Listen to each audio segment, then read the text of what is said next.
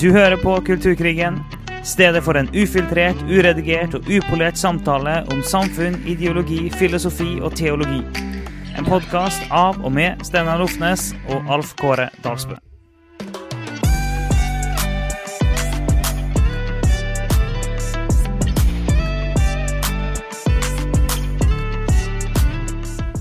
OK, OK, OK. Da er vi klar for en ny episode. Og eh, vi har en eh, ny gjest. Vi har hatt mange gjester i siste. I forhold til hva vi, i perioder har vi jo ingen gjester. Men eh, nå plutselig har vi gjest omtrent annenhver episode. Men det er jo gøy. Vi mikser det litt opp.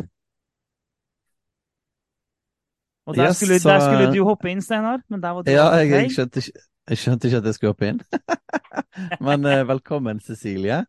Uh, Tusen takk. veldig, ja, veldig kjekt å ha deg med. Og uh, jeg tenker at først kan vi jo begynne med å bare høre litt. Hvem er du, og hva er det du holder på med? Ja, jeg heter Cecilie. Jeg er 22 år. Og så bor jeg på et lite sted som heter Ivland. Det er det ikke så mange som vet her er. Men eh, hvis jeg sier Vennesla, da er det mange som skjønner hvor det ligger. Så jeg bor på Sørlandet, og så studerer jeg noe som heter teologi og ledelse på HLT i Oslo. Og så er jeg til vanlig aktiv i Philadelphia Vennesla, som er menigheten jeg har gått i stort sett hele livet. Eh, og så holder jeg på med podkast, med en podkast som heter Sarapodden.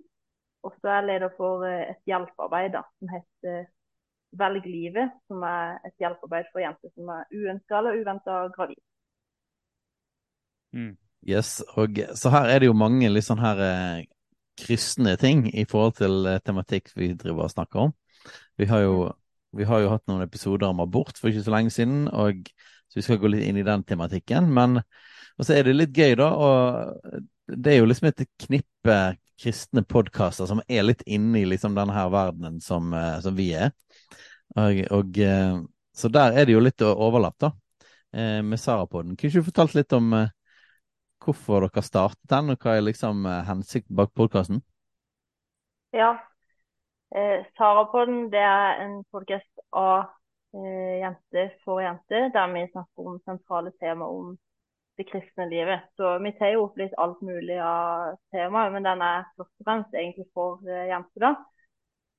Så da snakker vi om eh, evangelisering, eller evangeliet, eller feminisme, eller pride-tematikken, eller eh, bønn, eller misjon. Altså her er, og liberal teologi har vi jo vært litt inne på, da.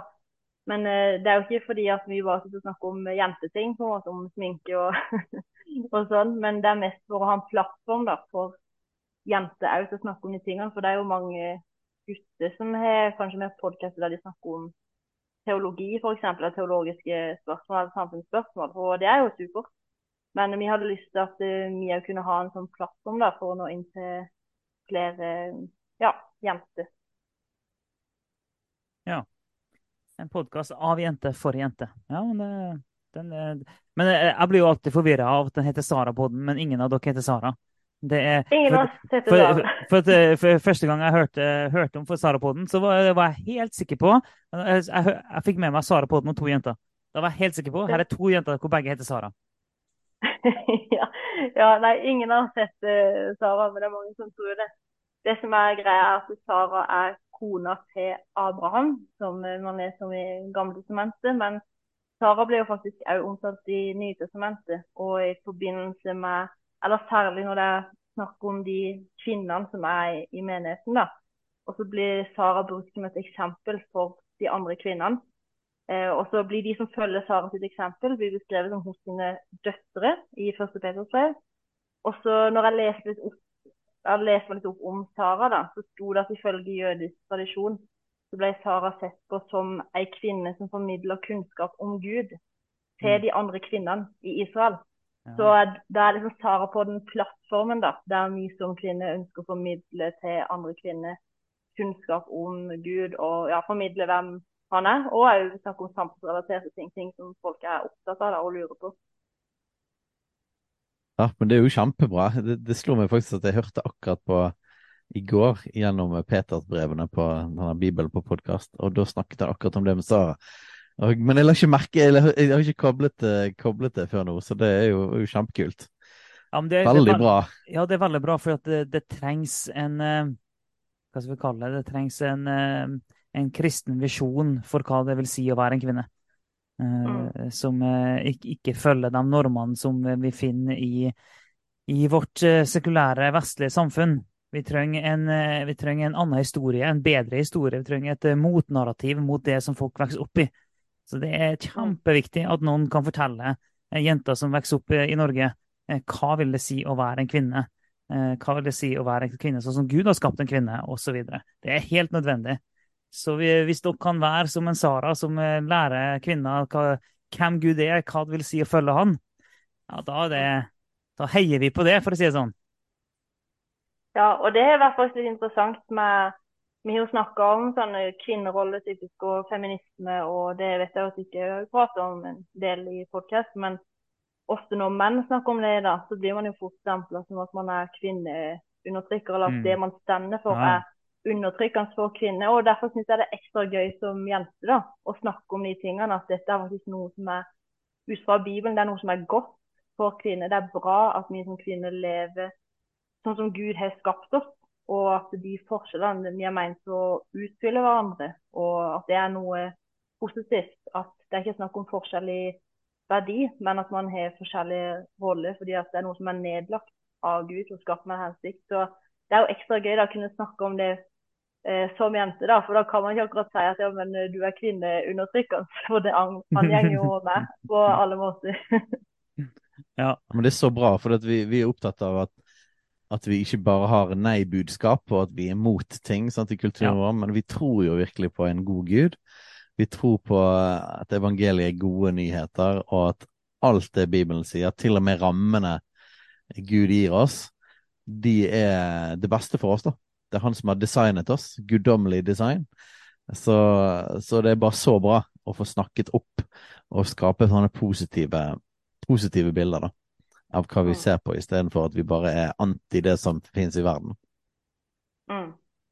Ja, og det- som er gøy, det er at eh, mange jenter de som, som er gift, gir tilbakemelding og sier at å, de setter så pris på at man snakker om kvinner fra, fra et annet perspektiv. Og at eh, man får jo selvfølgelig alltid forskjellig tilbakemelding, men det har vært veldig mye positivt òg fra jenter som er gift. At de syns det har vært godt å høre, høre noe annet. Så det sier jo òg noe om at det er ikke noe, det er ikke noe destruktivt man uh, forteller folk. Men det er jo det man blir fortalt utenfra, at de ikke tror på noe som er destruktivt. Og da er det jo fort å kjøpe det, da. Oi, Mm. ja, kanskje, kanskje det er det. Men eh, det må vi ikke Den eh, tanken må vi ikke kjøpe da, som kristne. For da tror jeg ikke vi blir like frimodige hvis vi begynner å tro litt på at oi, kanskje det er, kanskje det er dårlig for kvinner. Eller? ja. Ja, ja. Mhm.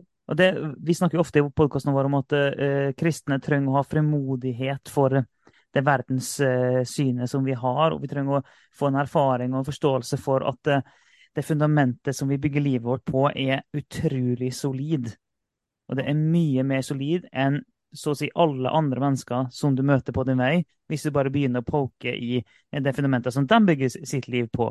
Så kristne kan med stor frimodighet stå eh, støtt på det fundamentet de bygger livet sitt på, og utfordre på en kjærlig måte andre sine fundament. Og det er jo liksom, det, og, men når en da begynner å eh, håper å si, kjøpe den riktige historien, altså når man begynner å kjøpe den bibelske historien om hva det vil si å være menneske, eller hva det vil si å være kvinne, eller hva det vil si å være mann, osv., så, videre, så så har noen ting som står imot det som hele, hele, hele tida skal bli fortalt.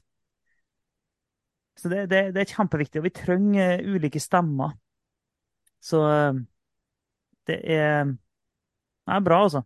Det er mm, Kanskje jeg er nødt til å kaste meg rundt og, og høre litt på Sara-podden, da. Selv om det er av jenter og for jenter. Så jeg har nå en kone, og jeg har jo en datter, så jeg må nå, jeg må nå forstå eh, de greiene der òg. ja det, du skal få lov til å høre på. og det, det skal sies, da. Det, det, her er kanskje sånn som vi ikke skal si offentlig, men eh, nå, når, vi, når vi, vi fikk vårt fjerde barn nå eh, Hvis det hadde blitt en jente, så, kunne, så, så var Sara et eller annet vi vurderte. Så det, har ligget høyt på lista der. Men det, var- det ble en gutt, da. Det, så da ble det, Ja. det ikke Sara. Ja, men vet du hva, vi må bare anbefale alle våre lyttere å høre på Sarapodden. Eh, Spesielt damene, selvfølgelig, men eh, jeg tror jo det på alle. Vi, sant? Min kone har jo eh, mammas hjerte, og det er jo mange menn som hører på den. Og, så det, det er jo Jeg tror det er viktig i denne tiden at, at folk tør å, at flere og flere tør å være stemmer og motstemmer, og å være frimodig med å snakke om det kristne livet og med alle dets fasetter, og selvfølgelig i kontrast til de tingene som blir pushet i vår kultur. Så det er bare utrolig bra, og det er utrolig kjekt å, både bli kjent med eh, og heie på de andre podkastene og forskjellige eh, medieaktørene som, som ønsker å komme med et kristen virkelighetsforståelse. Så det, det er veldig bra. Så hør på Sarapodden, folkens. Gjør det. Det så mange- skjedde det jo noe litt interessant. da. Ja. Dere kom eh, litt i media eh, for en stund siden fordi at dere ble kansellert, og det skjedde vel et par ganger. Um, og eh, det var vel TikTok. TikTok er jo de hardeste på eh, Eller kanskje de som er lettest på avtrekkeren når det gjelder å, å ta vekk videoer og stenge kontoer og sånne ting. som der. Så kan ikke du fortelle litt om hva som skjedde? Jo, eh, ja, vi ble jo, eller en video som vi la ut. Vi har jo en egen konto både på Instagram og TikTok som er kobla opp til podkasten. Og der pleier vi å legge ut noen forskjellige reels fra episodene. For det at Vi pleier å filme episodene våre, så da pleier vi å liksom filme personene og noe, et lite utdrag da, for hva som blir sagt. Eh, og den ene episoden handla jo om eh, pride, og da hadde vi en gjest som het eh, Rikard Bahari. Han eh, vet jeg at iallfall ikke kjenner godt til. Ja da, Så vi har hatt han på sin, podkasten. Ja, de har hatt han som gjest, gjør meg. Mm. Ja, men vi hadde han, og han delte sin historie. Og da kom han jo inn på hva er det, hva er det kristne synet på ekteskap og kjønn, og hva er Guds plan. Og, så han, han la egentlig bare veldig sånn klart fram hva er det kristne synet på ekteskap og kjønn. Så vi lagde en sånn kort eh, ja, kort reels av det. Og så gikk det bare kort tid, så fikk jeg bare melding opp eh, på TikTok at eh, ja, at den var blitt fjerna og ble stempla som hatefull ideologi. Eller hatefull ytring, jeg husker ikke. Men ja, det var iallfall den første. Og da kunne man anke, sånn at TikTok sjekka gjennom den da, en gang til. Og da gjorde jeg jo selvfølgelig det, og jeg hadde lyst til å få videoen opp igjen.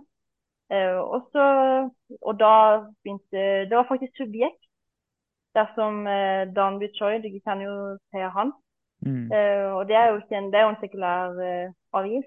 Men eh, da ønsker de å fronte det, da. At de syntes jo det var problematisk at vår video ble fjerna. Så da kom jo det ganske fram i media. Eh, at eh, vi som kristne ikke fikk lov til å ja, si det vi mente om ekteskap og fra et kristent perspektiv. Eh, og så kom den videoen Videoen ble gjenoppretta igjen. Eh, Men så gikk det bare litt tid, og så var videoen lagt ned igjen. Og mest sannsynlig så er det jo fordi at noen har drevet og rapportert denne videoen, da. Eh, Men det var jo veldig rart, for TikTok gikk jo god for den videoen etter å ha sjekka den. Så da syns jeg det var litt rart at noen, fordi at noen rapporterer at de kan legge den ned. Så eh, da, det var litt rart. Man, man har jo vært forberedt på at det kan jo selvfølgelig skje. Men eh, da plutselig var den eh, vekke. Så den har vi ikke fått opp igjen, da. Men han er fortsatt ute på Instagram. Mm. Ja, det er interessant, for det eh, det er jo det er jo vanskelig med disse sosiale mediene å finne ut av helt hva egentlig er reglene deres, og hvor går grensene. Jeg har forstått fra mange rundt omkring at, at de får aldri noe ordentlig svar, og at det virker litt sånn vilkårlig. Plutselig blir noe tatt ned, men noe annet blir ikke tatt ned. og Noen blir kansellert, noen andre blir ikke det. Um, så det er liksom litt vanskelig å forstå hele liksom, systemet. da. Men det som kan virke som at det, at det er litt sånn som eh, litt sånn som hatpratlovene i Storbritannia er. At det er liksom det, det er ikke så mye basert på objektive kriterier, og det er mer basert på at folk føler seg krenket. Sånn at hvis, hvis individer opplever seg krenket og melder fra, så er det på en måte det som teller, da. Og i så fall så er det jo liksom ganske sånn vilkårlig. Da vet du jo aldri. Eh, og For eksempel sånn som at den kom tilbake igjen. Da skulle man jo tro, hvis det var basert på objektive kriterier, at liksom Ja ja, men dere de har sett den, det, det, det er ikke Da er det greit. Men hvis kriteriene er krenkelse i det hele tatt, sånn, da, da, er det jo bare for noen å hevde at de blir krenket. Og så er det liksom ikke noe du kan argumentere mot det. Men problemet med det er jo at det er jo det funker jo ikke, sant? For man kan jo bli krenket av alt mulig. Alle kan bli krenket av alt. Ja. Og det er jo helt åpenbart at det er visse typer innhold som på en måte der liksom krenkelsen er på en måte gilde, da. Eh, og det rammer jo da veldig ofte eh, sånne ting som uttaler seg negativt om eh, sant, pride og men her vi, og sånne ting. Nå, nå har jeg sett videoen, da, men her høres det ut som at den egentlig bare på en nøktern måte legger fram det kristne synet på ekteskapet. Det høres ut som det var det han gjorde. Og det var ja, både det, hatefullt. Både det og kjønn. Ja. Så det å si at ekteskapet er for mann og kvinne, eh, og, og, sex hører hjemme innenfor ekteskapet, og ekteskapet varer livet ut, og det finnes bare to kjønn, mann og kvinne, som er ment til å leve sammen. Så det er nok da, til at det er hatefull ytring. Det er ganske, det er ganske voldsomt. Ja, det var jo ganske rart, for jeg fikk jo sånn melding at hvis dette f.eks. skjedde med flere av mine videoer, så kan jeg risikere at hele brukeren min ble lagt ned. Ja. Og så er jo ikke det den verste krisa i livet at TikTok-brukeren min blir lagt ned, men det ble litt sånn Du følte deg jo litt sånn Oi, nå blir jeg sjekka veldig ja. med hva jeg stender for. Og jeg kan faktisk bare bli fjerna fra ulike plattformer. Da tenkte jeg oi, det er jo spørsmål om tid før man blir fjerna fra flere plattformer, da. Så det var en litt sånn rar følelse, selv om det er jo ikke verdens undergang med en TikTok-bruker. Men man merka jo at eh, Oi, jeg følte at jeg fikk en sånn bånd foran eh, munnen min som gjorde at her skal ikke du få lov til å si det du mener. Ja, altså du fikk jo smake litt på det. Sånn det, det og, og sånn, på, på en side kan du si at nei, vi skal ikke blåse det opp og overdramatisere det. Ja da, det finnes noe sant i det.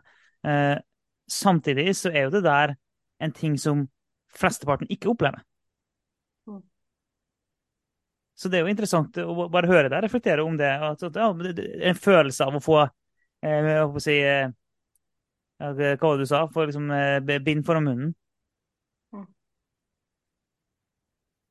Ja, og jeg har jo forstått det sånn at noe av hensikten med en del av disse lovene, men òg når man tar ned videoer og stenger kontoer, er jo på en måte at at det skal føre til en viss selvsensur, da.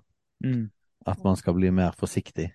Eh, og eh, Så det er jo interessant, og, og, det kommer jo litt sånn nærmere, da, når det, når det har skjedd med deg. En ting er liksom noen borte i Storbritannia eller USA og sånt, eh, men på en måte når det er snakk om sosiale mediekontoer, så er vi litt mer sånn på vår størrelse, sant? og i Norge og på norsk.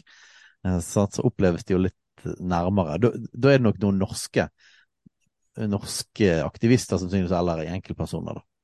Som er de som har reagert på det, regner jeg med, siden han snakket på norsk.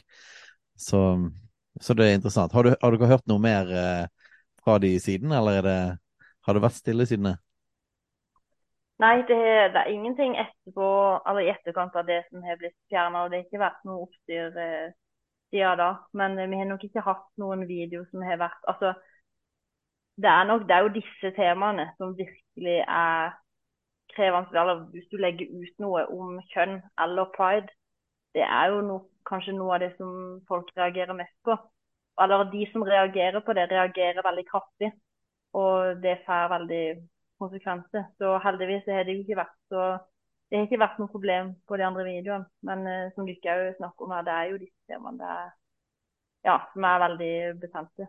Så, men eh, når vi skal snakke senere om uh, abort i podkasten, det har vi ikke gjort ennå. Men det kommer vi til å gjøre nå i løpet av høsten. Så, og da kan det jo hende at uh, kanskje man kommer opp noe, mm. at det kommer opp noe på nytt. Det vet man jo aldri. Men det er jo ikke noe mål i seg sjøl å prøve å snakke på en måte som gjør at folk blir mest mulig provosert. Men samtidig så må man jo være villig til å betale den prisen. da, for Det kan faktisk hende at folk ikke ønsker at det skal bli publisert eller at det blir sensurert.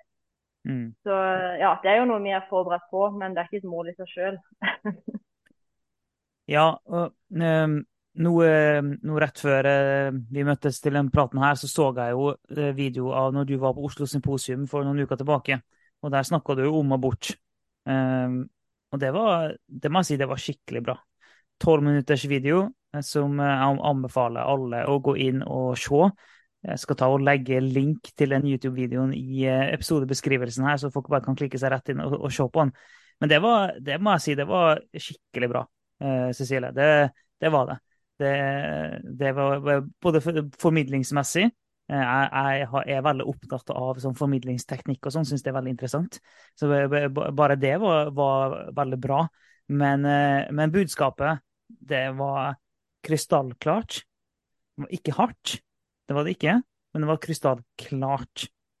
Og det er alltid en sånn, en sånn kunst der å klare å være krystallklar og tydelig, altså, samtidig som vi prøver å, å ikke bli oppfatta som hard. Og det, jeg syns du klarte det eh, i, eh, i, det innlegget du hadde der. Det, det syns jeg. Og, det var, og du var forbilledlig klar.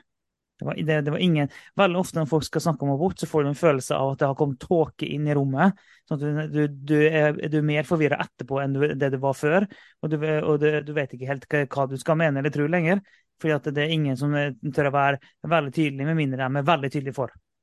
Det, det, er litt den opplevelsen. Men eh, det, nei, det, var, det var, skikkelig bra. Det, var egentlig ganske sterkt, syns jeg, eh, det, du sa. Um, da, da hadde du flere gode poenger der, både Og uh, noe av det jeg tenkte på, er, der du var Der var du ganske Hva skal jeg si? Der, der var du ganske ramsalt. Det var du. Når du snakka om, uh, om uh, ofring av barn. det var en det var en tankevekkende vinkel inn på det. Når du trakk den linjen til eh, at opp gjennom historien har det vært barneofring. Eh, og det tar vi eh, veldig avstand fra. Men så driver vi og ofrer de ufødte barna på diverse alter i dag. Om det er karriere eller om det er andre ting. Ja, det, var, det var sterke saker. Det, men jeg, jeg begynner egentlig bare å snakke om det, for jeg vil, skal, jeg vil gjerne høre litt mer om um, hva det er som har tatt deg inn i den tematikken, og du kan gjerne jeg håper å si, du kan gjerne gjenta det du, det du sa eh, der òg, for all del. Men, men, eh, men, det var skikkelig bra. Men eh, hva var det som gjorde at du begynte å engasjere deg i den tematikken? Ja, det har jo vært egentlig veldig spesielt hele den veien der. For det, er, det har aldri vært noe plan eller tanke fra min side at dette er en sak som jeg kommer til å stå sånn veldig spesielt i akkurat denne saken. Men eh, jeg ble jo, for å gå litt lenger tilbake, jeg ble jo frelst når jeg var åtte år. Fikk et veldig sånn radikalt møte med Jesus som åtteåring på et uh, gammelt bedehus. Og det er, det er, det som først og fremst har gjort noe med meg. Dette møtet med en Gud som ønsker å kjenne oss, som har en tanke for oss, som har en plan for oss. Og han fikk jeg møte da. Og rett etterpå der så hadde vi en veldig sånn, tøff periode i familien vår. Jeg mista min bror i uh, kreft. Han var jo veldig tydelig kristen, han var en god del år eldre enn meg. Men det gjorde at jeg ble veldig bevisst um, i trua da, på at uh, dette skal jeg leve fullt og helt for. Så da begynte jeg, når jeg var tolv år, da var jeg sånn Jeg var veldig mye på ungdomsmøte. Og da husker jeg at han som var ungdomspastor der, han snakka om abort.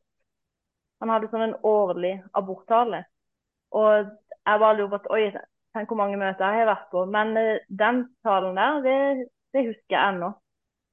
Og det gjorde jo at når jeg da kom på skolen Jeg gikk på en uh, vanlig offentlig skole. Så jeg ble jo veldig vant til å skulle håndtere spørsmål sånn som abort eller andre typer spørsmål om, eh, om tru. Det ble jo veldig naturlig for meg, for det hadde jo jeg allerede hørt om på ungdomsmøtet. Så det, hele den tanken om abort var jo bare en del av mitt tankesett som kristen. Fra et kristent livssyn og et kristent verdensbilde så var det veldig naturlig at ja, men da det er jo for livet. Det er jo for at det ufødte barnet skal bli beskytta fra unnfangelsen av. Eh, så det er egentlig, altså det har vært sånn grunnmuren. Men når jeg kom i sånn eh, slutten av videregående, så har jeg vært veldig sånn, ja, følt bunnsolid på hvor jeg stender hen. Men da begynte jeg å tenke veldig på det som hadde med denne tematikken å gjøre. På en veldig sånn Jeg ble så frustrert over at eh, hvor er vi egentlig som norske menigheter? Og det kom ut fra at jeg så en video fra en menighet i USA. Der så iallfall han eh, en pastor som eh, var ute forbi en abortklinikk. Og da stoppa han ei eh, jente som var på vei inn for å ta abort. Og da sa han på en sånn vennlig måte at hvis ikke du kan beholde barnet sjøl, så har vi folk i menigheten som er klare, som kan ta barnet til seg, som kan adoptere. Og vi har lyst til å hjelpe deg. Og du ser at én etter én de endrer mening. De velger å bære fram barnet. Og de stopper mennene som hadde kjørt de til abortklinikken. Og du ser at mens de snakker med mennene, så sier de til de at vi kan hjelpe. Og du ser at flere menn springer inn og henter jentene sine igjen, som de kanskje ikke hørt. Kanskje det var de som wow. oppmuntra dem til det. Så, og da tenkte jeg bare Oi, dette er kjærlighet. Og så tenkte jeg bare sånn Hvor er vi som norske menigheter? Det gjorde at jeg fikk en sånn Å, jeg ble så rørt. Og så ble jeg samtidig frustrert over at uh, vi har ikke så mye lignende i Norge. Og så jeg begynte på bibelskolen den høsten, og jeg gikk med dette her, og jeg delte det med flere av lærerne. At jeg går og kjenner på dette. Jeg vet, ikke, jeg vet, ikke, hva det betyr, men jeg bare vet at det er noe. Og så husker jeg Bjarte Ystebø. Han eh, jo vært med aktiv i media. Søstermann, kjempebra mann og vært engasjert òg i denne tematikken. Han snakker om samfunnsengasjement. Og da, når han begynte å snakke om abortsaken, så bare visste jeg at eh, jeg kunne gjenkjenne alt han sa. Eh, og så Det var helt spesielt. og Da gikk jeg bare fram til ham på slutten av undervisningen og så sa jeg bare jeg vet, jeg vet hva jeg tenker om dette, men jeg vet ikke hva jeg skal gjøre med det. Eh, og da sa han at eh, menighetene må gjøre noe. Og da var det egentlig som et lys som gikk opp for meg. For jeg skjønte bare jeg må snakke med min pastor om dette. Hva kan vi gjøre? Så jeg ringte min pastor, som er Geir Stonås, og sa bare eh, vi må ta en prat. og så kom hun på kontoret sitt, delte at hva kan vi gjøre som menighet i forbindelse med abortsaken. Og da ble jo han litt eh, tatt på senga, da. han sa bare ja, nei, eh, vi må be over det, sa han. Og så tenkte jeg det var sånn eh, kristent svar, og så sier jeg at eh, jeg, jeg, vet ikke helt om, vi skal, om, vi skal, gjøre noe med det. Men eh, ja, så gikk det bare Og da kommer det til det som er liksom den virkelig sånn Det jeg opplevde som en kaldsopplevelse, da. Det var jeg kom hjem seint på natta, og så kunne jeg høre barneskrik som kom fra stua. Og det var min niese. Hun var bare halvannet år eh, på det tidspunktet. og hun skreik. så Det var ikke bare sånn grå, vanlig gråt om natta, det var sånn smerteskrik. Så jeg kunne høre at nå har hun det vondt. Og da så jeg bare hvordan faren sto og holdt rundt henne midt på natta som den største selvfølge. Fordi mm. at uh, det var dattera. Selv om han skulle på jobb dagen etterpå, eller selv om han var trøtt, så var det ikke noe spørsmål om han skulle holde rundt henne. Fordi at dette er dattera mi. Mm. Og dattera var ikke noe belastning. Det var ingen som tenkte at det var en belastning at hun skreik sånn på natta. For det du tenkte bare hun har det vondt, vi trenger å beskytte henne. Um, så når jeg da sto inne på badet og skulle til å legge meg, så hører jeg disse skrikene. Jeg kjenner bare sånn, sånn sukk som går gjennom kroppen min. Og jeg er ikke en person som føler så veldig mye egentlig hele tida, men akkurat da så kjente jeg sånn sorg som bare ble lagt på meg. Og jeg opplevde egentlig som at det var guttsorg, at de skrikene som hun kom med. Det var som at det var representativt for de tauste barneskrikene som ikke blir hørt, men som Gud hører. Og det ble veldig alvorlig for meg. Så jeg gikk rett opp, skrev et innlegg, og der jeg skildra denne episoden da, og sendte det ut til avisen. Eh, og da begynte egentlig ballen å rulle. fordi da var, da var det gjort. Og når du først kom i media på disse tingene, så gikk det ikke lang tid før VG tok kontakt. Ehm, så, og bibelskolen var med, de var med i bønn, fikk masse støtte. Masse støtte òg fra menigheten. Så det var det som gjorde at denne ballen her da begynte å rulle, som gjorde at jeg begynte å engasjere meg i denne tematikken. Wow. Utrolig sterkt. Og det, det, er jo mm. noe med, det er noe med abortspørsmålet som som når vi virkelig kommer inn på klingen av det, så, så treffer det veldig dypt. Ja. um, det blir liksom ikke bare sånn politisk standpunkt eller sånn verdistandpunkt som vi har, Mm. men det blir, eh, det blir så nært, det blir så personlig. Det, det kommer helt inn på sånn foreldreinstinkt. Sant? Eh, og eh, ja, utrolig sterkt. Og eh, interessant òg på en måte hele mekanismen av når Gud òg taler om noe, og når på en måte når Den hellige ånd kommer med et eller annet sånn ja, et kall eller legger noe på, så er det på en måte plutselig så finnes det en sånn favør der. da. Eh, Det finnes en åpen dør, det finnes noe gjennomslag der. Så det er utrolig, utrolig tøft òg at du bare handlet på det som Gud la på deg. da. Mm. Og eh, Ja, og det som kast, var kastet deg ut i det. Mm. Ja, og det som var veldig spesielt, var at eh, jeg hadde jo tatt denne praten med pastoren min og Geir, og jeg følte ikke at jeg fikk sånn massiv respons fra han, egentlig i utgangspunktet, men hadde veldig ro i det, for det, gikk bare eh, ja, kort tid, da. Og når jeg skulle på det VG-intervjuet, det var en sånn kort eh, dokumentar eh, om abortspørsmålet, og der skulle jeg, og, som bare ung student, og men så kjente jeg at istedenfor at jeg ble fylt med frykt når jeg skulle møte hun journalisten, så kjente jeg inni meg jeg håper hun får se deg, Jesus. Jeg håper hun blir frelst. Altså Hele situasjonen ble bare snudd. Mm. Og når jeg da kom tilbake og skulle snakke med Geir, min pastor, om at nå hadde vi vært, eh, eller nå hadde jeg vært i dette intervjuet, og menigheten hadde bedt, og så kom han og sa til meg at nå Cecilie, nå skal vi ha konferanse i menigheten som heter Reis deg, Guds menighet. Og det ble på en måte noe av det som vekka opp da, til at eh, vi skulle snakke om både samliv, men også abortspørsmålet. Eh, så da ble det på en måte noe, noe som menigheten har omfavna, og ikke bare meg og mitt kall. Men jeg har merka at dette er noe, et kall ut til Norges menigheter. At dette skal vi ikke Altså, Vi skal ikke skamme, skamme oss over hva vi tenker om abort eller om det ufødte livet. Vi skal være stolte av det. Og vi har god grunn, all god grunn til å fremme det, fordi det er det beste for barn, det er det beste for kvinner. Og ja, så Det har vært veldig spesielt. da, og Da kom jo symposium, som eh, du snakker om, Kåre, med den talen som eh, du hadde hørt. Det var Den første gangen jeg var der, det var i 2021. Da, var jeg bare, da gikk jeg bare på bibelskole. Hadde ikke noe, hadde ikke noe navn eller eh, noen ting. Kom bare der som student, og så eh, var jeg der nå òg, da. Så det har vært en eh, veldig spesiell reise, og det har gjort det at i dag vi driver det hjelpearbeidet i dag som heter Velg livet. Mm. Jeg tenker på, når du nevnte her med at det, kommer veldig inn på klingen med en gang vi snakker skikkelig om abortspørsmålet, og det får meg til å tenke en ting du sa, Cecilie, i, den, eh, i det innlegget, så sa du noe sånt som uh, at uh, Nå er det jo med, med parafrasering her, men du sa noen, noen ting i den dura at, at abortkampen er, er, en kamp om våre hjerter. Eh, så, så det, det, er ikke bare en kamp for det ufødte liv, men det er òg en kamp om våre hjerter.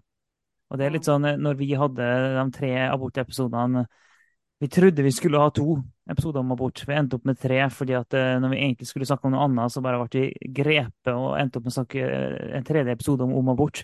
Og da snakka vi jo om det òg, at hvis vi er likegyldige i møte med abort, så er det et tegn på tilstanden i vårt eget hjerte.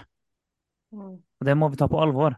Så hvordan vi reagerer i møte med abort, det sier alt om tilstanden i vårt eget hjerte. Er vi likegyldige, så sier det noen ting. Eh, hvis vi blir aggressive, avviser det, så sier det noen ting. Blir vi knust, så sier det noe annet. At det er, det er, det er på en måte et termometer da, på, si, på, på, tilstanden eh, i hjertet vårt. Og, og, jeg kjenner at jeg stadig må ta, ta meg i at jeg drifter mot likegyldighet i møte med abort. Og det, det kan jeg ikke. Jeg kan ikke gjøre det. Mm. Ja, og det tenker jeg jo med ja, sånn som aborter, som er jo mye ofte alle de som er kjente med møtesetninger, der man roper til Gud at Gud, må du røre meg, må mitt hjerte bli mer likt ditt hjerte? Og så, men så er vi tause på disse spørsmålene. Så jeg kjente at det går ikke an. Fordi at eh, Mm. hvis vi skal Ja, hvis vårt hjerte skal bli mer likt hans så innebærer det faktisk disse sakene òg. Og det er det egentlig jeg opplevd som har skjedd i mitt liv. At uh, Gud har bare lagt noe ned og vist noe av hans eh, hjerte. Og det tenker jeg ikke bare gjelder aborter, men det gjelder òg sånn som jeg vet at vi ikke prater om liberal teologi, også, altså, sam, altså om samliv. og så er det mange som kan tenke at hvorfor er dere som kristne er i menigheten så opptatt av abort og om samlivet sitt. Men det handler litt om at dette er jo symptomet på hvor, hva vår tilstand egentlig er. da. Så men Hvor er hjertene våre? Tror vi egentlig på, tror vi egentlig på det som Gud har sagt? Og så blir det på en måte bare det som ja, det som blir det synlige, eller konsekvensen av at man, om man tror på det eller ikke. Fordi det kommer liksom til syne, for at man trekker seg på spørsmålene hvor man opplever press utenfra. Mm. Ja, virkelig. Tenker, og dette har jo skjedd mange ganger gjennom historien, sant? og det har vært forskjellige ting som har på en måte vært, vært det som har på en måte vært mest ille da, i, en, i forskjellige kulturer, og som, som, kristne har blitt vekket i forhold til. Og eh, Når du snakker om det, så tenker jeg jo på sammenhengen mellom den vekkelsen som kalles The Second Great Awakening i USA, eh, og, og eh, kampen mot slaveriet. Mm. Som hadde jo en veldig sånn direkte sammenheng gjennom at folk som måtte bli vekket av Gud, da, eh, og, og fikk, fikk, forandret sitt hjerte og fikk møter med Jesus, så førte det til samfunnsengasjement. Da. Det førte til at man ble altså øynene ble åpnet i forhold til ting i samfunnet som ikke var etter Guds vilje. Eh, og jeg syns egentlig at sånn, kampen mot slaveri er en måte veldig sånn ligner veldig i forhold til abort, uh, abortkampen, fordi at det handler også om menneskeverdet. sant? Mm. Det, det, det, det, det, krasjer så voldsomt med verdien Gud har satt på et menneske. Og, eh, og man må på en måte være litt sånn blind og kynisk egentlig for å, for å kunne akseptere det. Men når man først ser det, så blir det på en måte umulig for en kristen. Litt sånn som du sier at det, i forhold til abortgren, Det blir det umulig for de kristne å ikke kjempe imot slaveriet eh, i USA. Mm. Så ja, jeg bare kjenner dette igjen, det er veldig fascinerende. Det, det er mange spørsmål som kan engasjere, og man, man, på en måte man kjenner man kan bli få sterke følelser i forhold til, og på en måte, men det er, det er, nesten ingenting vi snakker om som på en måte rører så dypt i hjertet, som når vi snakker om dette med abort. Mm. Eh, og hele den historien om hvordan måte, Gud virkelig grep det på de tingene, så handler jo om på en måte en fars kjærlighet til sitt barn. Og, og grunnen til vi tok en sånn plutselig spontan ekstra episode om abort, var jo det at, at Alf Kåre de hadde fått et barn til. Mm. Eh, og, og, det liksom så det, så det, rører på sånne enormt dype strenger da, i oss som, som, fedre og mødre, eller menn og kvinner, så er, er dette med barn det er, det er, så viktig, det er så heldig. Mm. Mm.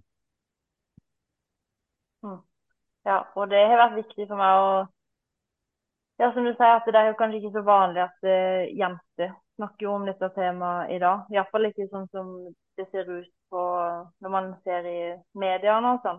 Så virker det som at det er, uten, altså det er bare kvinner som er for uh, abort. Men som jeg nevnte litt i den uh, talen i symposium, at FN ikke ikke der og snakker om abort på tross at det er kvinner, men nettopp fordi at det er kvinne.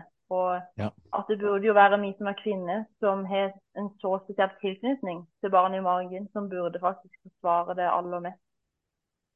Eh, og det burde ikke være vi som går fremst i toget for å ha retten til å kunne ta livet av sitt eget barn. Det burde vært vi som forsvarte det mest. Og det har blitt en sånn Også det å snu hele denne tankegangen at dette er en kvinnes at det er en kvinnes rett til å ta abort. Og man snakker om det som en sånn frihet. Og, men frihet det er det ikke for de jentene heller som ser abort. Og noe av det jeg har opplevd mest, det er når jeg er rundt på forskjellige seminar, det er at det kommer bort jenter som er tatt abort. Som kommer hen og kanskje de bekjenner det for første gang, eller kanskje de bekjente flere ganger, men de kommer hen og sier det, og sier at det er det verste jeg har gjort i hele mitt liv. Mm.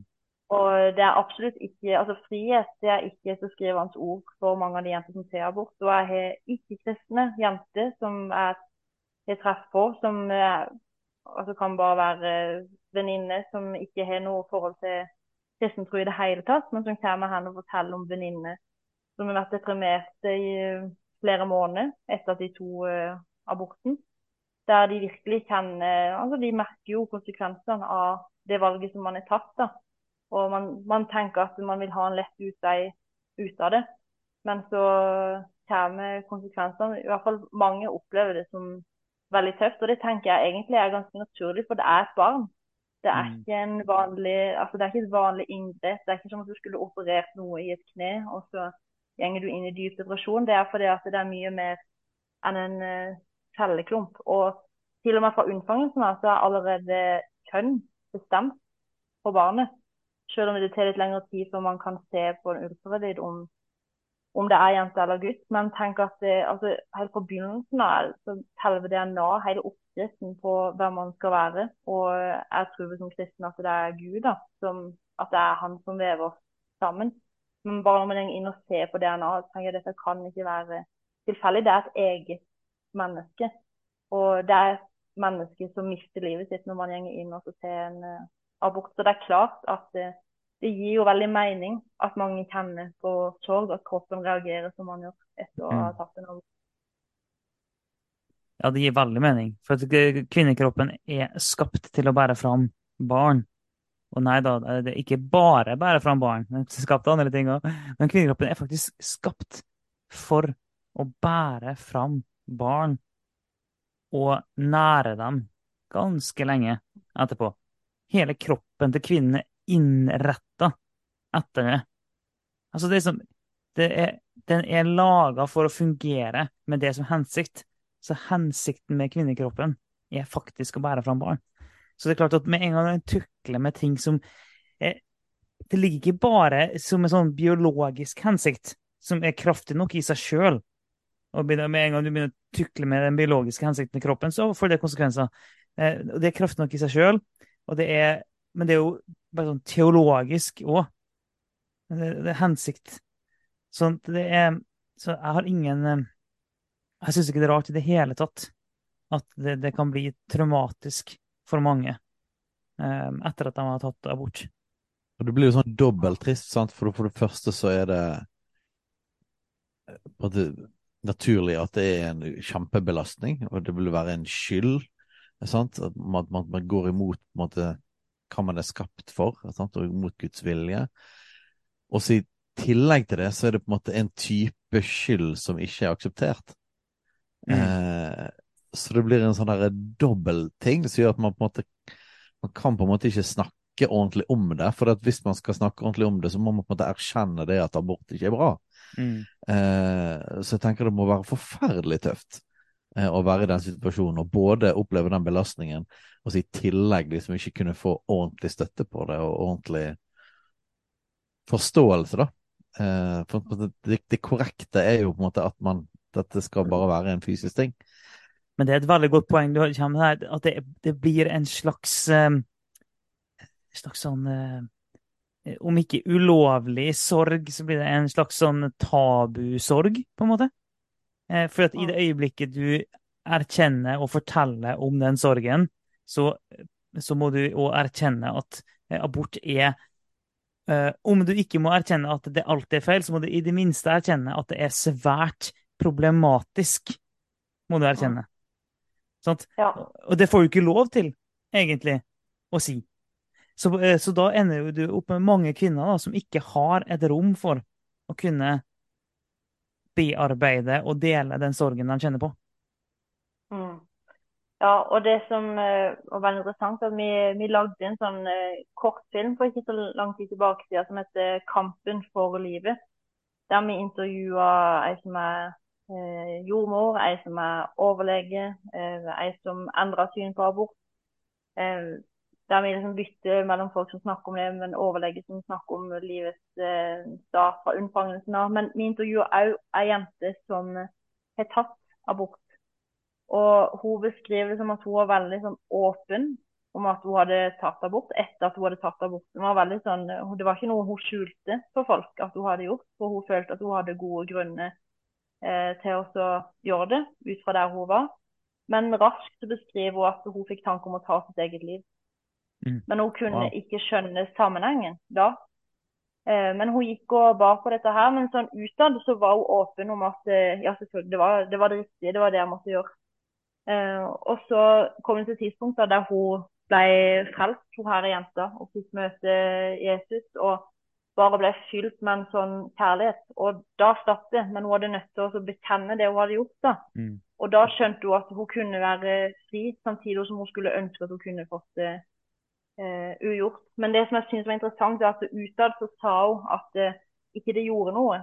Mm. Men eh, det var likevel noe som eh, ikke var som eh, det skulle vært. Så, og det har jeg jo fått flere ja, mel meldinger etterpå av jenter som sender meldinger og skriver at de, de var veldig åpne til andre om det de hadde gjort, men allikevel så var det noe som gjorde at de klarte aldri for seg. Det, altså, det ga de ikke den friheten som de ble lovt da, at de skulle få med å kunne ta abort. Og det som du sier her, sånn, det ga dem ikke den friheten, for det snakkes jo om sånn, kvinnens frihet og den friheten en skal få, og osv. En bruker det frihetsbegrepet på mange ulike måter, men snakker veldig mye mm, i den terminologien. Eh, og så ser en det at hvis en går inn virkelig inn i materien, så ser en det at eh, ganske mange ender opp mindre fri.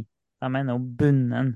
Det, og det, om det er depresjon eller andre ting, tung sorg de kjenner på, eller sånn uten at en skal åndeliggjøre liksom absolutt alt. Samtidig så tror jeg jo vi virkelig på en helhjerta på en åndelig verden.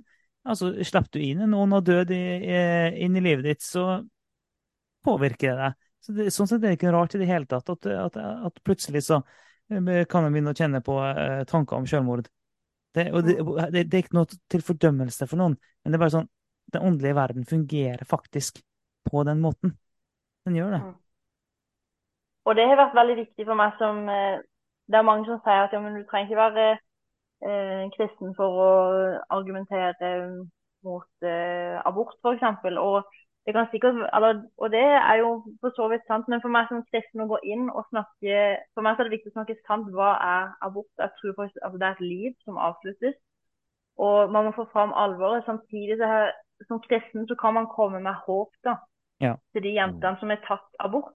Ja. Og det kan man ikke, med mindre man kommer med et kristent verdensbilde, med, Mm. der man kan formidle et budskap om det er håp, det finnes tilgivelse, Ja. det finnes en som har gitt sitt liv, og man kan få fred. Og det gjelder jo alle mennesker, ikke bare de som Mm. har tatt abort. Men det å kunne komme med noe sånn, at det går an å legge det hos Jesus. Og, men det betyr ikke at man legger sånn at det er et mindre alvor, for abort er, abort er forferdelig.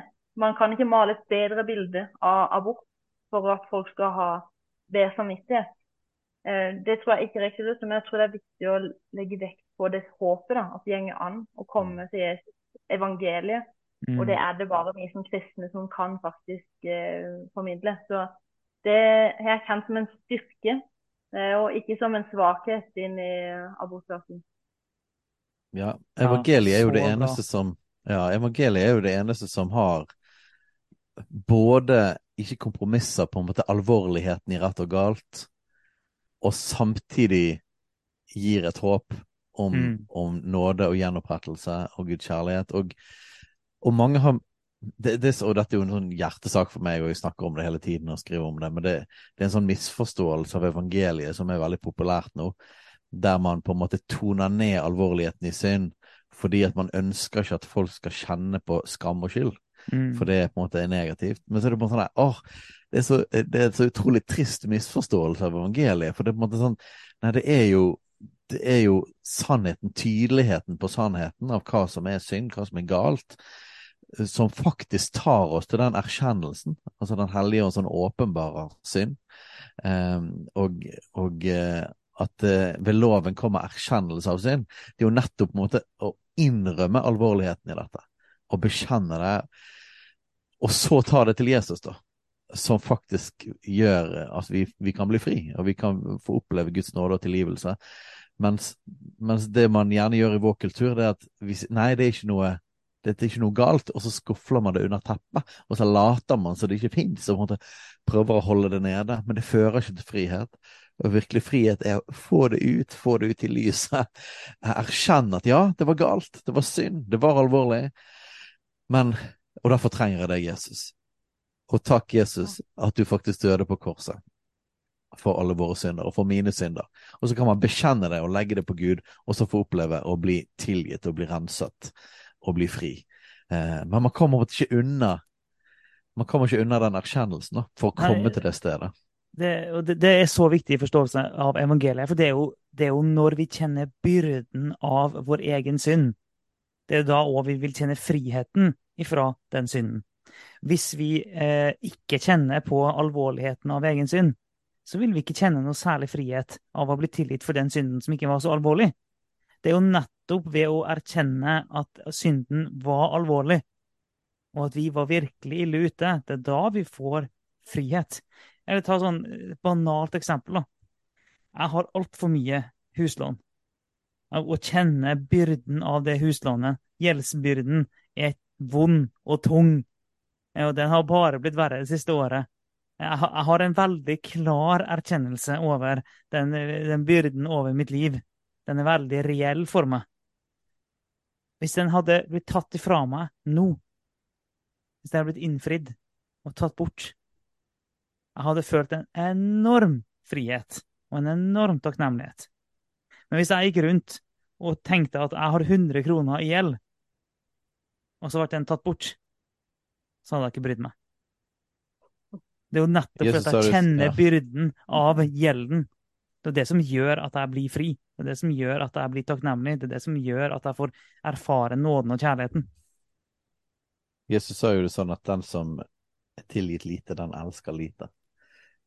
Nettopp inn i hele den greien der. Så ja, evangeliet. Tilbake til, til temaet vårt, så er det jo fantastisk midt i dette alvorlige temaet abort og drap av barn i mors liv så er det fantastisk å kunne ha evangeliet og budskapet om håp og gjenopprettelse for, for alle som, eh, som, har gjort det. Og det er viktig òg for folk som hører på dette, eh, at, at eh, dere virkelig får det med dere. Og om det er folk som har tatt abort som hører på, så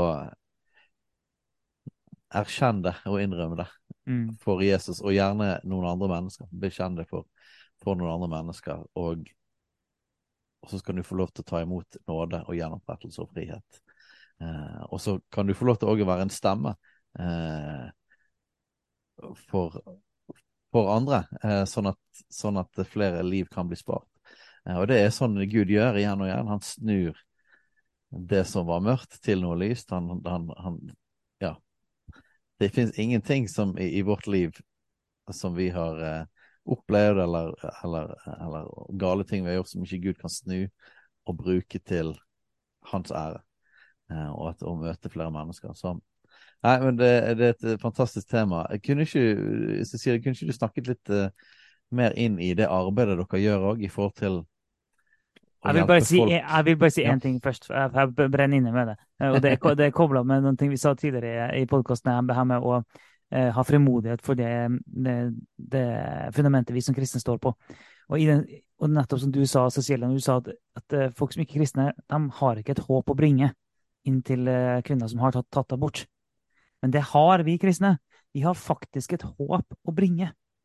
Og det bør gi oss stor frimodighet til å kunne gå inn og snakke med kvinner som har tatt abort, fordi vi faktisk har et håp å bringe. Så jeg bare hamre den inn, at vi kan med stor frimodighet gå inn i den samtalen og snakke med de menneskene. Ja, så OK. Fortell om det arbeidet. ja. Eh, etter vi hadde hatt denne konferansen som heter reist i Guds menighet', så ble det veldig naturlig at det, det til slutt fikk en sånn praktisk konsekvens. da, At ikke vi bare var tydelige som menighet på hva vi tenkte. Det var selvfølgelig veldig viktig og helt sentralt. Men vi måtte jo tenke hvordan skal dette se ut og da ble det egentlig veldig naturlig at vi starta det som i dag heter Velglivet. Det er jo et hjelpearbeid for jenter som er uønska eller uventa gravid.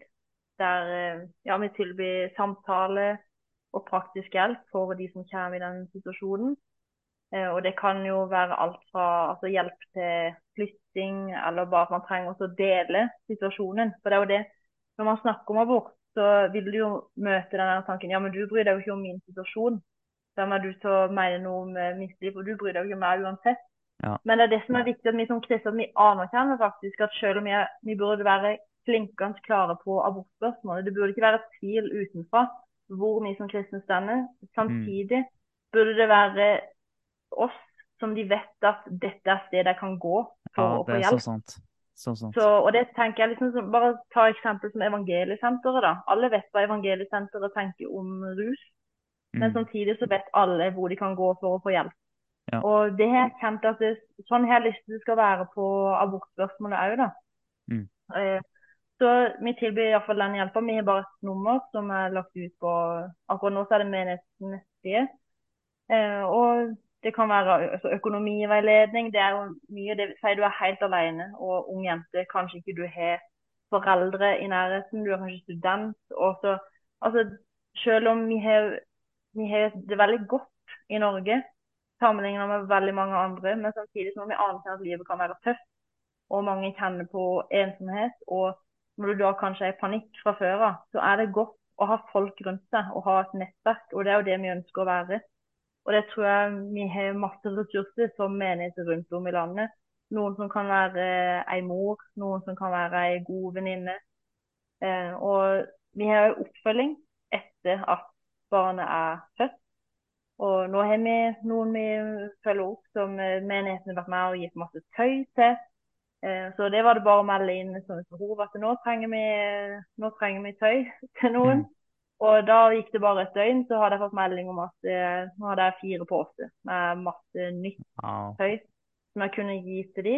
Og da kjente jeg bare dette er, dette er misjonsmakt. Mm. Eh, og når man, kan, når man møter mennesker som er på det punktet i livet der de trenger hjelp, og det er egentlig veldig sårbar situasjon å være i, så åpner folk seg jo veldig. Og eh, deler egentlig Altså du er sett i, på måte på det mest sårbare, og da er folk veldig åpne for å høre. Og da er det veldig godt å kunne være ut fra en menighet òg, da. For da vet de automatisk hvor vi, hvor vi stender når man får ofte samtale om andre ting òg, da. Så ja, det har vært veldig spesielt. Og det vi ønsker nå, det er jo at flere menigheter starter velglivet i sin menighet. Så akkurat nå så holder vi på å organisere oss eh, mer enn det vi har gjort. Vi vet at eh, den, det blir en menighet sannsynligvis i Oslo som kommer til å starte opp det samme i sin menighet. Eh, og jeg har vært i kontakt med flere menigheter som har lyst til å starte opp. Så de som har lyst til å starte noe opp et arbeid i sin menighet, kan jo vi kjenne på kall til det, da. Eh, og de må mer enn gjerne ta kontakt med oss. For det er jo det som har vært vår hensikt, ikke bare at Filadelfia og Vennesla Nå skal vi starte en stor, eh, en stor ministry inn i abortsaken, men dette er noe som vi må spre til andre menigheter, sånn at folk rundt om i landet Det sender faktisk ut vanvittige signaler ut i bygdene og ut i byene. Både standpunktet vårt, men òg at eh, vi ønsker å hjelpe. Vi bryr oss om de folkene som eh, vi snakker om. Og det er nettopp det som gjør at det nå kan være tydelig. Det er når en viser på ordentlig at uh, vi vil hjelpe, vi vil ta ansvar. Og som du nevnte, han pastoren eller de folkene i USA og sånt, uh, som, ja, men vi har folk. Vi har folk som uh, vil gi ting. Vi har folk som vil ta, adoptere barn. Og, og det, det er sånn Ja, vi må være tydelige på det her, men vi kan egentlig bare være, være så tydeligvis som vi er hva skal jeg si, som vi er kjærlige og praktiske. Altså, vi, vi må være like hands on i å hjelpe og ta vare på og veilede både mor og barn, og være villig til å betale den prisen, og være villig til å adoptere. Vi må være like tydelige da, og gå like langt, kan du si, på det, som vi går i tydeligheten på at abort er feil. Mm. Ja, og det tror jeg ikke, dette vil jo ikke være en byrde for menighetene. Dette er jo en velsignelse faktisk for Ja, menighetene. Tenk, Ja, tenk å kunne se barn springe i benkeradene, kanskje i menigheten, og så vet du at de skulle egentlig ikke vært her. Hvis Mm. ikke det var noen som hadde steppa inn. ja, Og de kan få lov til å få et helt nytt nettverk hver med kanskje nå på søndagsskolen. Altså, det er jo ikke gitt at folk har lyst til det, men når du møter folk i den situasjonen, så er det jo klart at eh, folk åpner seg jo. Og det tenker jeg det må man regne med, at det gjør at folk har et møte med Gud òg. Det er jo det som er hele, tanken jo at vi tenker at vi har lyst til å vise Guds kjærlighet til de jentene som kommer i den eh, situasjonen. Og da må vi jo forvente at ting vil skje òg, da. Så jeg tenker at dette må jo bare være en altså Dette er en misjonsmakt da, for menighetene. Det er ikke noe vi burde trekke oss unna eller tenke at dette er bare en politisk eh, greie eller en politisk sak som ikke vi burde uttale oss om. Dette, altså dette har med fundamentale ting i trua vår å gjøre. Så mm. her må vi være tålmodige og klare, men samtidig ha utbrakte hender til folk. Mm. Oh, nei, dette, dette, er fantastisk bra. Jeg bare kjenner oi, vi må, vi må nesten starte Velg livet altså, i menigheten. Ja, det, det, det er jeg sitter og tenker på. ja, for dette er så bra, det er så viktig. Eh, det, er, det, er, det som virkelig liksom kjerner av evangeliet. Eh, for at du, du tar, man, ja, man tar hele på en måte pakken, da. Ja, tydeligheten på hva Guds ord sier, men kjærlighet til mennesker, hjelpe mennesker, på en måte går inn i det det egentlig handler om. Eh, fantastisk bra. Hvor kan man, hvor kan man eh, gå inn for å lese mer om det med velglivet? Fins det noe sted eh? Ja, vi er på med egen Instagram som heter Velglivet. Vi er Facebook-side Velglivet. Og så kan du søke opp av han på nettet òg, velg livet, og så kommer du inn på Philadelphia Venstre som sier. Men eh, etter hvert nå, om eh, noen uker, så kommer vi til å opprette en egen nettside og mest sannsynligvis en egen plattform der vi ønsker oss å koble på flere, altså de menighetene som blir med. da, sånn at man får, men Nå er ikke det gjort ennå, men det er det som er planen nå framover. Så for menigheter som har lyst til å starte, må allerede ta kontakt nå. Men eh, det er de sender telefonnummer og hele pakka inne på både Instagram og Facebook og inne på nettsida. Så der er det bare å ta kontakt, de som ønsker det. Eller bare de som tenker på det. Det trenger ikke være at du bestemt deg når du ringer, men bare har lyst til å ta en uh, prat om det. det bare, vi er bare fem-seks damer i vår menighet som er med. Noen på, på min alder, og så noen i, som er mer voksne og som har barn. og uh, så, men selvfølgelig med menigheten i ryggen. Man må snakke med, det er jo naturlig å snakke med ledelsen da, i eh, menigheten, sånn at man vet at man er menigheten i ryggen. Men eh, at man er en gruppe på kanskje fem-seks stykker. Vi starta veldig enkelt. Da kun ut telefonnummer. Det var sånn vi begynte. Og så har ting bare utvikla seg egentlig fra der. Så man må ikke tenke at, eh, man, at det må, skal være så stor med en gang. Men eh, at man bare begynner litt og begynner i tru hvis man har fått det lagt ned. At man eh, mm skal gå inn i det. Og hvis bare noen folk går sammen, altså går en, går en menighet, og, og, litt folk går sammen om å gjøre det, her, så kan det hjelpe utrolig mange. For nå sitter jeg bare og tenker på uh, uh, En ting er alle babyting som vi har i huset vårt. Det er én ting. For når du har kommet på fjerde barnet Nei, du kjøper jo mindre og mindre for hvert barn, for du har ting. Men herlighet, du har mye barnegreier etter hvert. Så bare der, vet du, det, vi kan utstyre både én og to og tre familier sikkert. Eh, bare med å gi vekk våre egne ting. Men, men det er jo én ting, det er bare sånn, det er tingen, sant? og det å gi vekk bilstoler som koster masse penger. sånn, Kjempeenkelt. Så, så, jeg innser jo bare sånn at jeg og Ellen kan hjelpe flere bare med det grepet. Men bare det å, det å kunne ta noen inn da, og veilede i alt ifra ja, eh, hvordan en skal håndtere et barn, og etter hvert barneoppdragelse, og eh, i relasjoner hvis en eh, er sammen med noen, osv. Så, så vi har masse erfaring. Så jeg innser at bare jeg eller Ellen alene kan jo fint hjelpe flere bare i år. Hvis vi hadde gått inn for det.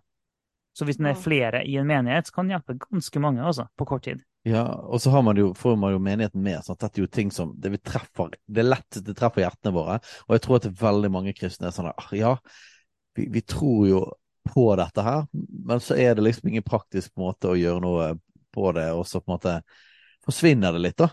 Men bare du har et eller annet praktisk, et eller annet fysisk, et eller annet så du kan på en måte kanalisere det, så jeg er ganske sikker på at det vil være lett å mobilisere folk i menigheten til å hjelpe. Ja. Um, så, så, dette er bare et kjempebra initiativ, og vi bare oppfordrer alle lyttere, altså, i, i, alle menigheter rundt omkring, til å ta tak i dette her. Og mm. begynne å gjøre det. Tenk om vi kan gjøre en forskjell ja. um, for, for, massevis av um, foreldre rundt omkring. Eh, og kanskje spesielt, og det er sikkert mange unge jenter, og, og, og en del av de er sikkert alenemødre. Men tenk om vi kunne virkelig hjelpe dem. Men, gjennom hele den kristne historien så har dette med å hjelpe enker og farløse eh, vært en ting. sant? Å hjelpe de fattige. Utdeling, utdeling av mat står det om liksom, i menigheten i Jerusalem, og innsamling til de fattige og, og, liksom i, en velferdsstat som vi er så glad for, så, så, er det på en måte Fattigdommen er ikke så tett innpå oss her. Uh, vi, vi, kan selvfølgelig hjelpe inn i misjon, og vi kan hjelpe fattige i andre land. Og selvfølgelig, det fins fattige òg i Norge, men det er ikke så tett på. Men, men det vi har utrolig mye av i Norge, det er jo sjelelig fattigdom. og folk som sliter og har det tøft og, eh, og havner i en vanskelig situasjon. Og akkurat dette med abort, uh, hele den tematikken, er et veldig godt eksempel på et område der vi som, som Guds menighet kan være med og bidra, da. Uh, sånn som vi alltid har skullet gjøre. Dette skulle alltid være en del av, mm. av enhver menighets arbeid. Uh, å hjelpe de som har det vanskelig, helt praktisk. Det er sant. Altså, nå, nå, er vi på et så godt uh, sted, så konkret sett. Jeg vet ikke om jeg tør å, å, at, vi, at, vi, skal si noe mer. Så det er som å, å avslutte episoden med denne veldig tydelige oppfordringa. Jeg vil nesten ikke ødelegge det. det, det, det, så, nå er det det jeg vil at folk skal ta med seg. Jeg vil at folk skal ta med seg akkurat det her. Nå vil, må ikke vi si noe som forkludrer hva folk tar med seg ut av episoden. Nei, det er kjempebra. Cecilie, har du noen uh noen uh, siste ord i denne episoden til bare noe du har på hjertet å, å gi? Ja, jeg tror mange har hatt en sånn tanke om at uh, abortkampen er en sånn tapt kamp. Og uh, at man har kanskje blitt litt sånn passiv og tenker at dette kan ikke endres. Og siden 19, 1978 så er det jo vært iallfall over 600 000 barn som har mista livene sine siden den loven kom til mm. Norge. Uh, men jeg har veldig tro på at ting faktisk kan endre seg. da.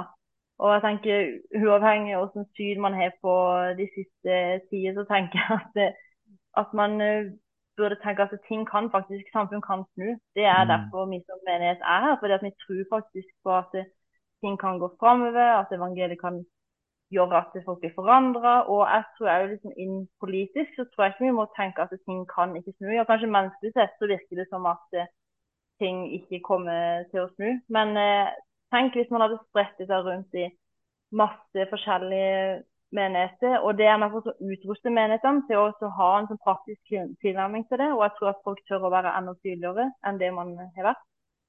At uh, ja, jeg tror at ting kan snu, og plutselig kan ting snu politisk. Akkurat på samme måte som Steinar du snakker om slaveriet. Det var ingen som trodde at det kom til å endre seg. Men hvem er vi mm. til mm. å si at det ikke kommer til å snu? Det er faktisk ikke opp til oss. Det er faktisk opp til oss å være en stemme. Vi gjør det vi kan og tror at det skal skje en endring. Det er ikke opp til oss å sette oss bare ned i sofaen og tenke at nå, nå blir bare verden helt uh, forferdelig. Men jeg uh, tror jeg kan, ting kan snu politisk, og at menigheten kan være en røst faktisk ut til staten om hva som er sant. Og um, Det ser man òg at uh, en av faktisk lovens funksjoner Luther snakker jo om dette, er jo òg lovens funksjon ut til samfunnet. Det er godt for samfunnet. Det er ikke bare for menigheten, men det er bra for samfunnet. Det vi tror på. Vi har noe å komme med som kristne. Så det er nok kanskje det jeg har lyst til å bare legge inn helt på slutten her. Veldig, veldig bra.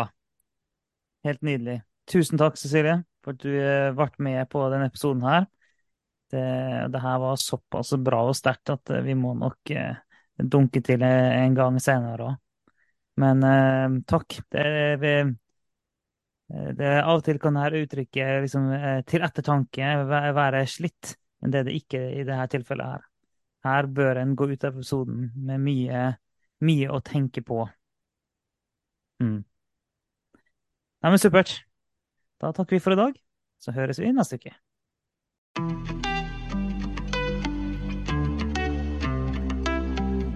Takk for at du lytter på Kulturkrigen. Om du har tilbakemeldinger, spørsmål, hva som helst egentlig, Send inn til post alfakrøllkulturkrigen.no eller på sosiale medier.